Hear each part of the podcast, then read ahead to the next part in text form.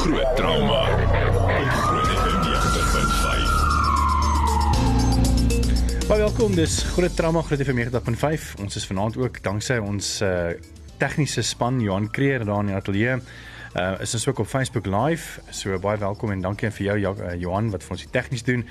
En uh aan jou ook Jaco en Esmeralda al die pad van Montana uit julle huis uit. Baie welkom. Goeienaand Pieter. Goeienaand almal wat luister. Lekker, ek hoor vir jou baie baie mooi. Uh vanaand gaan ons 'n bietjie gesels oor ehm um, daar was 'n gesprek op een nuus gewees uh maandag aand ehm um, met 'n epi uh, was die epidermoloog Ja, dis um, professor Salim Abdul Karim. Hy's 'n epidemioloog en 'n infeksiesiekte spesialis. Um hy is by die Universiteit van Columbia ook, maar hy is in Suid-Afrika by die Universiteit van Natal en hy is een van die raadgewers dan in die, in die einde van die dag vir die vir die regering oor die hele hantering van die van die COVID pandemie. So ons gaan 'n bietjie gesels oor daai gesprek en uh, wat daarbey uitgekom het en waaroor ons nou oor die uh, verloop van die aand gaan gesels is oor die 8 fase plan. Ehm um, en dan ook waar ons as Suid-Afrika tans is en ook ehm um, die hoekom is 90 die die sweet spot Jaco? Pieter, ehm um, as mens na die epidemiologie gaan kyk, dan gaan kyk hulle na 'n waarde wat hulle die R0 noem. Ja, die R0 het het 'n redelike wiskundige agtergrond, maar basies kom dit daarop neer as die as die waarde 0 is, dan beteken dit een persoon sal een ander persoon gaan kan infekteer. Die oomblik wat dit meer is is dit gaan dan uit die aard van die saak gaan een persoon 2 of 3 of 4 mense infekteer en die oomblik wat dit minder is dit gaan sal sal die sal die epidemie of die pandemie dan 'n uh, uh, einde bereik. Ehm um, as mens na die statistieke gaan kyk oor hoe Suid-Afrika ontwikkel het van die begin van die van die pandemie af tot nou toe, ehm um, is dit statisties so dat as ons 90 of meer per dag rapporteer wat die laaste 2 dae die geval was, dan sal 'n mens die die lockdown moet moet eintlik in stand hou en en en aangaan daarmee. Die oomblik wat dit 44 of minder is, dan kan mense die lockdown stop.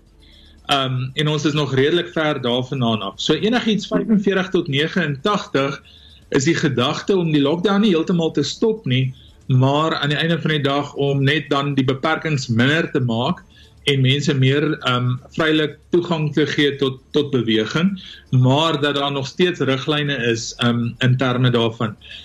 As mens gaan kyk na na hoe ons die laaste week of so um gevaar het, dink ek die lockdown gaan nog rukkie vat as ons so so aangaan. As mens ook gaan luister wat wat Prof Karim gesê het, is ons is eintlik 2 weke statisties agter. Um so dit wat vandag gebeur gaan ons eers oor 2 weke sien. En um ek dink dis deels ook hoekom die staatspresident gesê het ons moet die lockdown 2 weke langer hou sodat ons kan sien wat nou gebeur. Hmm. So dis maar oor van die onderwerpe waaroor ons vanaand gaan gesels. Ons sit op Facebook Live as jy gesien het en ons wil graag 'n bietjie hoor uh, dat jy met saam gesels en ons vraag aan jou vanaand is: dink jy die inperkings het 'n groot verskil gemaak tot dusver? So laat weet daar vir ons op ons Facebook Live. Jy kan ook vir ons enige vrae oor COVID-19 ehm um, vir ons WhatsApp of Telegram op 061 610 4576 en onthou standaard tariewe geld. Ek ons is net hier na weer terug. Groot trauma. Groot FM 90.5. Welkom terug is Groot Trauma op Groot FM 90.5. Ek is Pieter Kloete en saam met my via Skype al die pad van Montana, is Dr. Jaco van die kerk. Jaco, dankie eh, vir jou ook en vir Esmeralda Burger wat so lank aan jou sy sit en dan ook aan ons tegniese span, uh, Johan Kreer wat vir ons dan ons Facebook Live vanaand behartig. Ons vraag op Facebook Live vanaand aan jou is, ehm um, dink jy die inperkings het 'n groot verskil gemaak tot dusver? Ons wil graag van jou hoor. Daarsou sien ons al reeds uh, heelwat kommentare uh, wat jy geplaas het daarso. Jy kan ook vir ons WhatsApp of Telegram op 061 610 4576 onthou standaard tariewe geld. Jaco, jy het gepraat van die 8 fase plan. Wat behels dit? Pieter, Suid-Afrika het begin met die die pandemie. Um ek dink mense moet begin deur sê daar was drie daar's drie fases van die van van die infeksie en dan na die 8 fase plan toe. Suid-Afrika het begin met die pandemie um deurdat basies reisigers of of ouens wat wat wat gereis het dit in Suid-Afrika ingebring het. So as mense 'n grafiek gaan trek, dan gaan mens um nommer 1 sien dat daar was 'n piek in die in die in die in die getalle van COVID. Um toe daar nog nie 'n uh, 'n verbod op reis was nie. Dit het minder geword toe die reisverbod um begin het en daarna het 'n mens begin sien dat die mense mekaar infekteer wat wat dan nou met die reisigers in kontak was. En dis hoekom dit in die begin belangrik was om te hoor wat is jou reisgeskiedenis en, en was jy in kontak met iemand wat gereis het. En nou het ons hierdie hierdie interpersoonlike of of of ja, sê maar interpersoonlike um infeksies.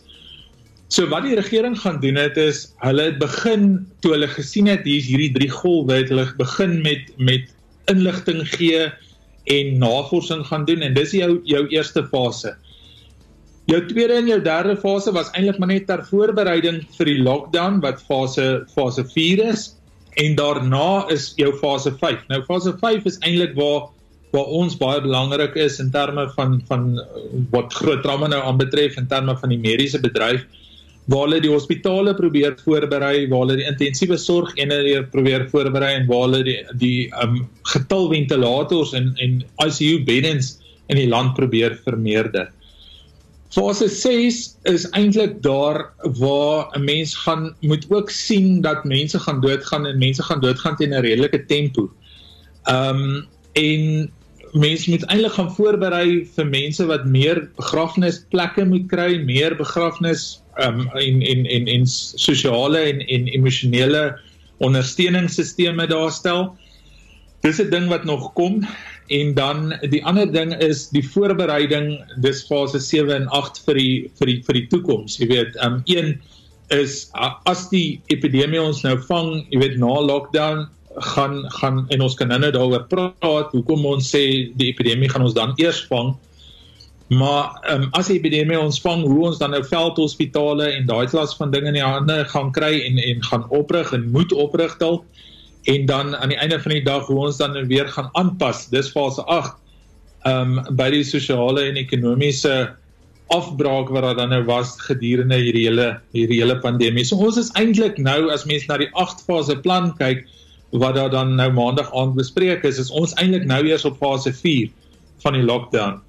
So ons is nog nie eens halfpad nie. Ehm um, die die groot rede hoekom die lockdown daar is is ons sien en ons het nou-nou dit gesê sien vandag eers wat 2 weke terug gebeur het en ons gaan eers oor 2 weke sien wat vandag gebeur.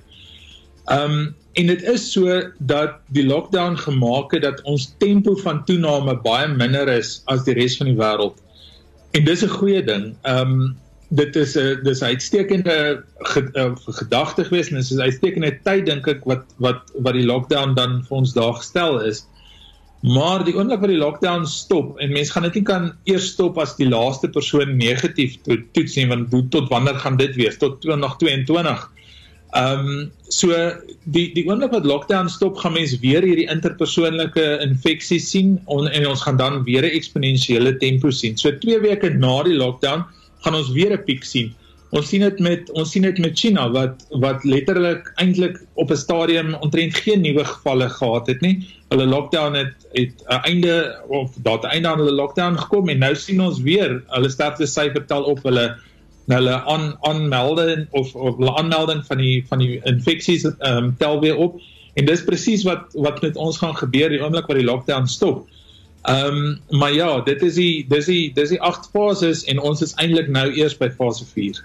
So eintlik wat wat hierdie hele lockdown vir ons as Suid-Afrika beteken het is miskien dalk net die feit dat dat hierdie miskien ook net vir ons tyd gekoop het eintlik maar want ek meen daar's nog steeds nie sprake van van 'n um, anti uh antibakterie of enigiets soos die of nie antibakterie nie 'n uh inentingsstof of hierdie nie. Ek dink nie ja.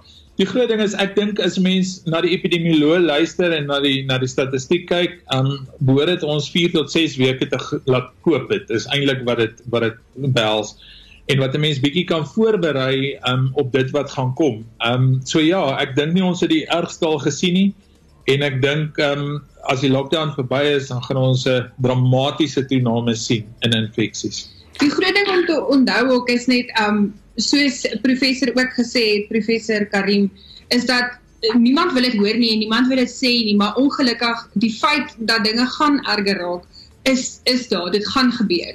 Um en die lockdown koop ons tyd om voor te berei daarvoor. So ja, dit is nie lekker nie en en mense wil nie daaroor praat nie maar mense moet dink dat hierdie 4 weke of 6 weke wat dit ons koop in tyd hoeveel mense kan uitgerig kry in terme van um miskien veldhospitale bymekaar kry, um ekstra ventilators, planne maak vir beddens of vir mense wat kan help uh, volonteërs om te kan kyk na sulke tipe van pa pasiënte sodat jy die lading van die hospitaal kan afhaal want dit is waar die groot probleem inkom is sodra daai hele stelsel oorlaai word en niemand meer gehelp kan word nie. Hmm. En mense kan dit sien juis nou in New York en vroeër in Italië dink ek as ek as ek dit mis het nie, nee, Esmeralda. Presies, presies dit en dis presies wat daar gebeur is. Um dit gaan so erg en dis nie oor dit ek meen hulle het fantastiese uh, mediese sorg daarso. So dis nie oor die, die mediese sorg enigstens iets meer feit is nie. Die punt is net daar is net soveel hande en soveel mense en soveel fasiliteite in terme van beddens en ventilators wat 'n mens op beslag kan help. Ek meen jy kan nie twee mense ventileer op een masjien. Hmm. Ons is net nou weer terug en dan gesels 'n bietjie verder oor uh, waar ons tans staan as Suid-Afrika. Uh, ons sou môre aan 12:00 sou die inperkings ehm um, of dan verslap word, maar ongelukkig het ons nou gehoor dit is nog steeds 2 weke aan tot die einde van April. En ons gaan 'n bietjie kyk oor uh, wat beteken statistiek op hierdie stadium van ons oor ons ehm um, infeksie uh rate soos Engelsman sou sê so bly ons skakel daarvoor ons is ook op Facebook live ons vraag vanaand aan jou is dink jy die inperkings het 'n groot verskil gemaak tot dusver in Suid-Afrika. Ons hoor graag van jou. Ons is net hier naweek terug. Groot trauma. Groot FM 90.5. Welkom terug is Groot Trauma op Groot FM 90.5. Ek is Pieter Kloete en saam met via Skype in Montana is Dr. Jaco van die kerk en Esmeralda Burger. Esmeralda, wat is van ons kommentaar sover? Ons Facebook live vraag is: Dink jy die inperkings het 'n groot verskil gemaak tot dusver? Ja, ons het lekker baie kommentaar. Ek sien daar's heelwat mense wat saam met ons kyk op Lesaan Jordaan onder andere. Um is mense wat gekom het, um Mariet Botha sê, "Haai Jaco, ek kan nie dit maak. Ek dink nie dit maak regtig verskil nie. Die mense beweeg steeds vrylik rond." Um Cookie Smit sê sy wil graag weet as jy al reeds vir die virus behandel is of jy dit dalk weer kan kry. Um Barry Beke sê skole word geplunder, besighede word beroof, so ek neem aan hy glo dis nie 'n goeie ding nie. Andre Olivier um sê meeste mense luister, maar wat van die res? Dan is daar ook 'n paar ander kommentaar wat sê dis aaklig, maar hulle dink dit dit word dit help wel. Um Betty Makaber van Tonder sê die inperking maak dat gesinne verarm en nie hulle volle salaris kan kry nie. Gee ook skoolkinders 'n terugslag met hulle skoolwerk. Die mense worry um nie en hulle loop in die strate nog vol veral snags. So ek dink daar's maar gemengde kommentaar dis 'n moeilike situasie. Niemand van ons was al in so 'n situasie nie. Um ja. Ek dink van ja, van die vraag, uh, oor skus Jaco. Nee, as 'n mens die vraag wat daar gevra is oor um as jy die infeksie gehad het en jy kry hom weer of kan jy hom weer kry? En die antwoord is ja, jy kan. Um die groot ding wat ons sien is dat virusse muteer, so virusse verander. Um so mens kan teoreties twee keer COVID kry. Um ons gaan nie regtig weet nie want ons toets die COVID-19 as sulks, maar jy gaan definitief die potensiaal is daar dat jy hom twee keer kan kry. Ek stem saam met um mevrou Botha wat gesê het dat die mense, jy weet nog steeds vry rondloop. Um ek dink daar's nog steeds te veel mense wat redes soek om uit die huise uit te kom. Jy weet jy kan nie elke dag jou brood gaan koop nie. Gaan koop nou maar brood en en en eet twee dae aan hom, jy weet. Um jy kry mense wat en, en ek ek bly in 'n in 'n estate en mense sien baie van die mense elke dag uit hulle huis uitry. Um ek wat werk en wat wat eintlik rond beweeg kan sien daar's baie mense wat eintlik hulle self nie regtig vreeslik daarin steur nie en ek dink dis 'n groot probleem. Hmm en dis 'n probleem wat ons regtig in moeilikheid kan laat beland. Dit is so, skole word geplunder, um kinders raak agter op skool. Dit is sodat die ekonomie agteruit gaan. Maar die keuse is eintlik daar, dis dis of die ekonomie of dis lewensred. En ons het nou die aand daaroor gepraat, jy weet, um dat as jy nie lewens red nie, is daar niemand wat die ekonomie kan dryf nie. So as jy 'n groot deel van jou bevolking laat laat sterf, um uit deur nie na hulle te kyk nie, wie gaan dan die werk doen en wie gaan die ekonomie dan dryf? So ja, die ekonomie is 'n baie baie belangrike ding, maar ek dink lewensred bly prioriteit nommer 1. Nie net vir die vir die sosiale en die en die en die emosionele komponent daar agter nie, maar ook vir die vir die ekonomie wat hierna moet moet van vooraf eintlik basies gevestig word en en waarskynlik moet groei dan van daar af. Jakob, waar sou jy sê is Suid-Afrika tans uh, as mens kyk na die inperkings en die uh, of die Engels sê Engelsman sou sê infection rate? Pieter, ek dink en ek het vanmôre na 'n professor geluister uit um Oxford Universiteit. Hy het ek dink jy het vanmôre op die groot ontbyt ook met hom gepraat daaroor. So ons kan eintlik ons populasie met die met die met die UK gaan gaan vergelyk in terme van grootte.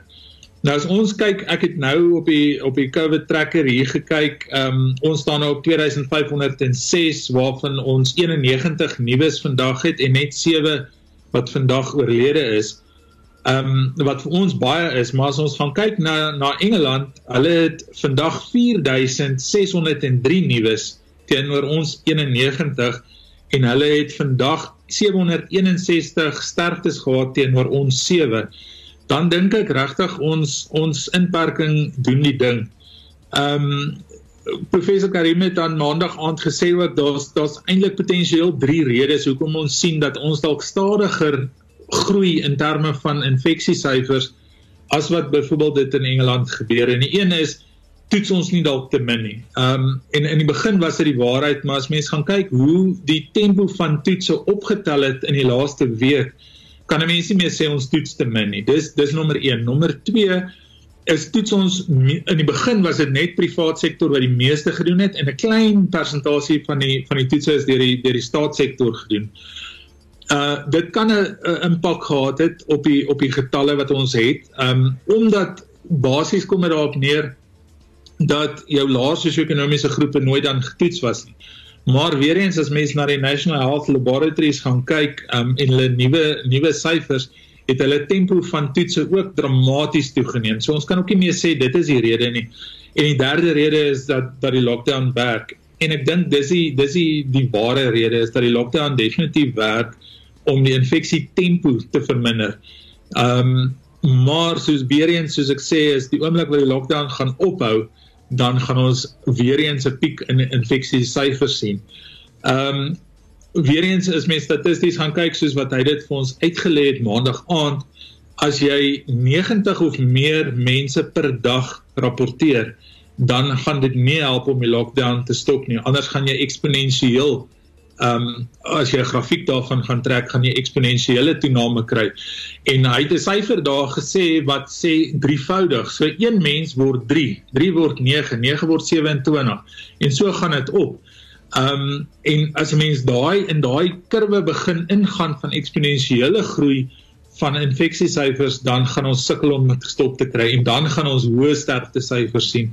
En ek dink ook nie ons is ons ons land is regtig ek wil nou die Engelse woord gebruik gegeer om ehm um, daai hoeveelheid sterftes te kan hanteer nie. Ehm um, want weer eens die oomblik wat daai persoon oorlede is, moet hulle ook op 'n manier hanteer word omdat die virus dan nog steeds oorgedra kan word van die van die oorledene na lewendige persone toe. So ehm um, ons wil eintlik daarvan af wegbly. Maar ja, ek dink daar's baie groot gemengde gevoelens oor die oor die lockdown en ek dink ehm um, daar's baie mense wat hulle glad nie daaraan steur nog nie. En ek ek dink is hartseer want ek dink daar's mense wat nie glo daaraan nie, maar as mense gaan kyk, ek sien nou ook ehm um, die die sterfte syfer wat tans staan op 6.48%, dis vrek hoog. As jy net dink aan as as 40 tot 60% van ons in Suid-Afrika dit gaan kry as mense eksponensieel in daai kurwe ingaan en 6.48% van ons gaan gaan doodgaan, dan is dit 'n groot persentasie van ons bevolking. En dis baie keer die werkersmag wat dan wat dan gaan doodgaan vir al die sosiale lae sosiale of sosio-ekonomiese groepe vir al die die die persone met die HIV en die tuberkulose waarvan ons baie het. En en dis die ouens wat by die werk doen op die grondvlak jy weet en is hulle nie daar is nie dan het ons ook nie ekonomie om om te groei hierna nie Net nou 'n bietjie meer statistiek oor indien ons dan uh, die inperking sou verslap, wat sou gebeur?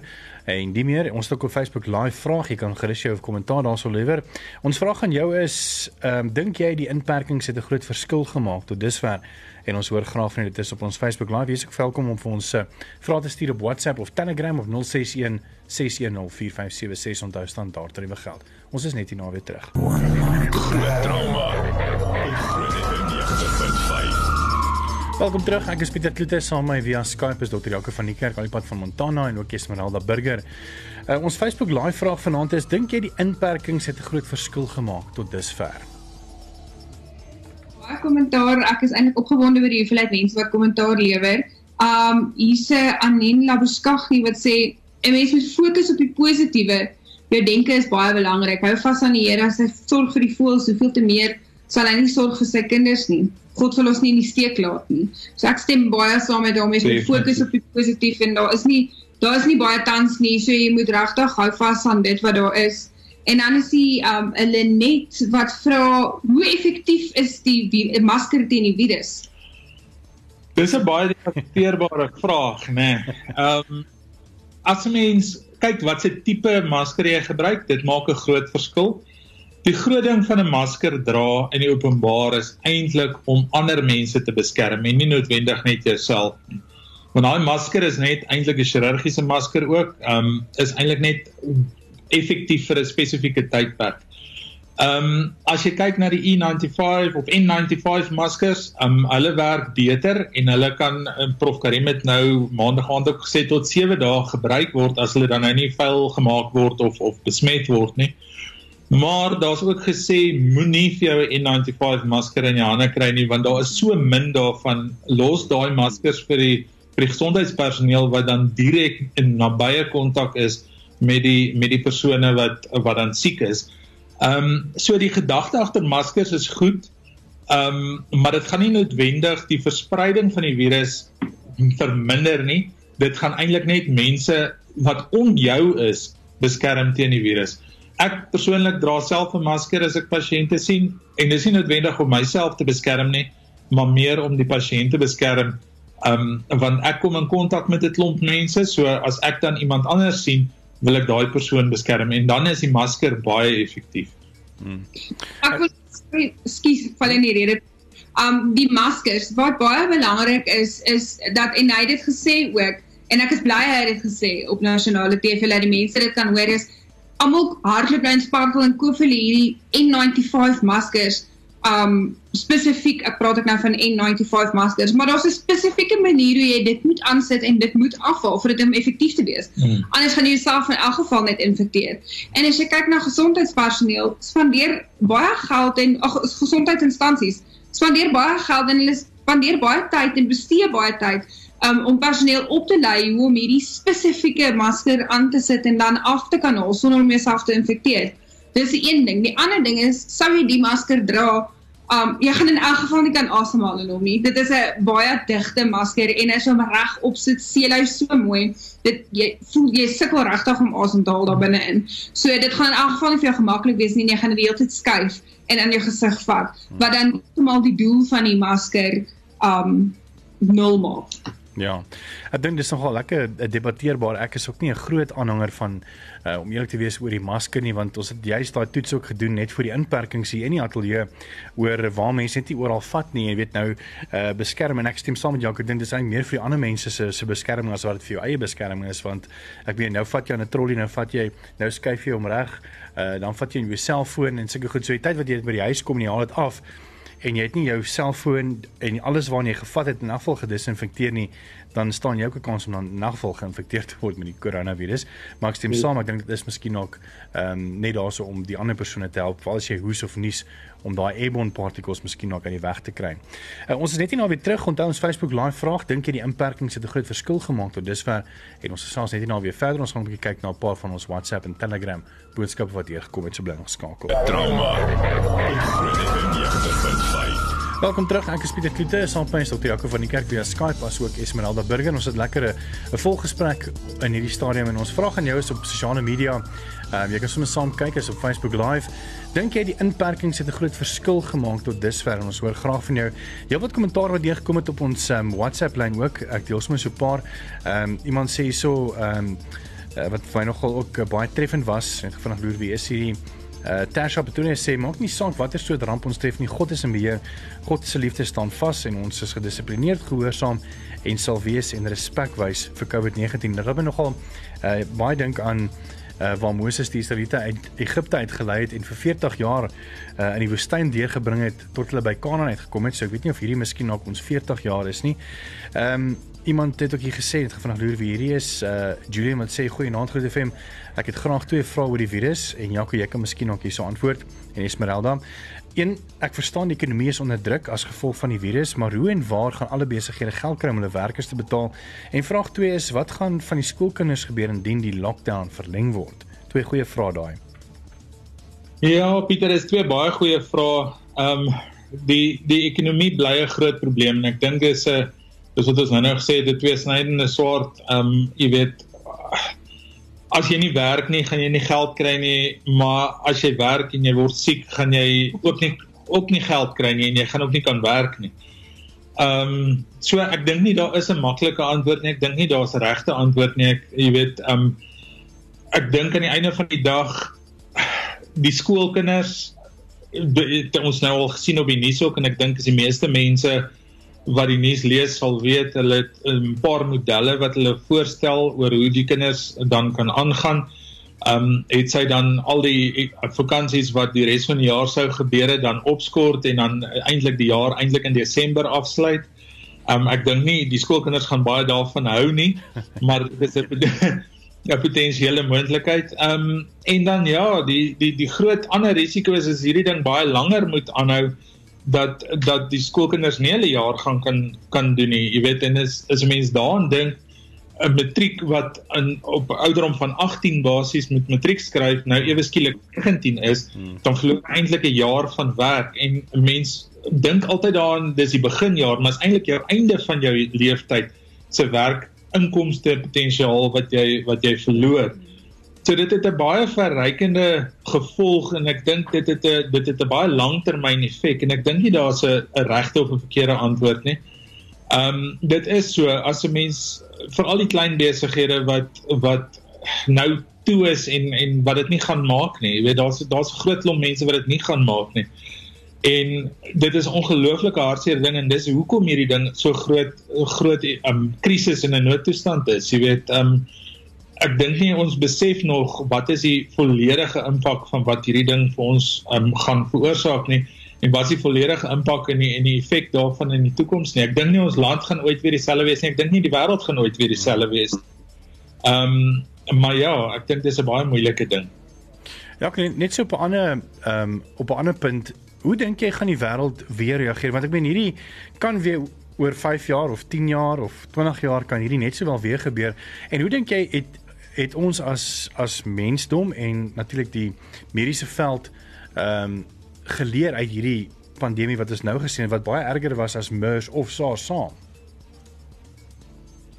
Ja, Pieter, as mens na die geskiedenis kyk, dan dan was daar groot pandemies en epidemies en pandemies in die geskiedenis en dis maar net 'n sikliese ding wat herhaal. So dit wat ons nou sien, gaan ons waarskynlik weer in die toekoms sien. Hoopelik nie in ons lewenstyd nie. Ehm um, maar dit is definitief 'n ding wat weer kan gebeur.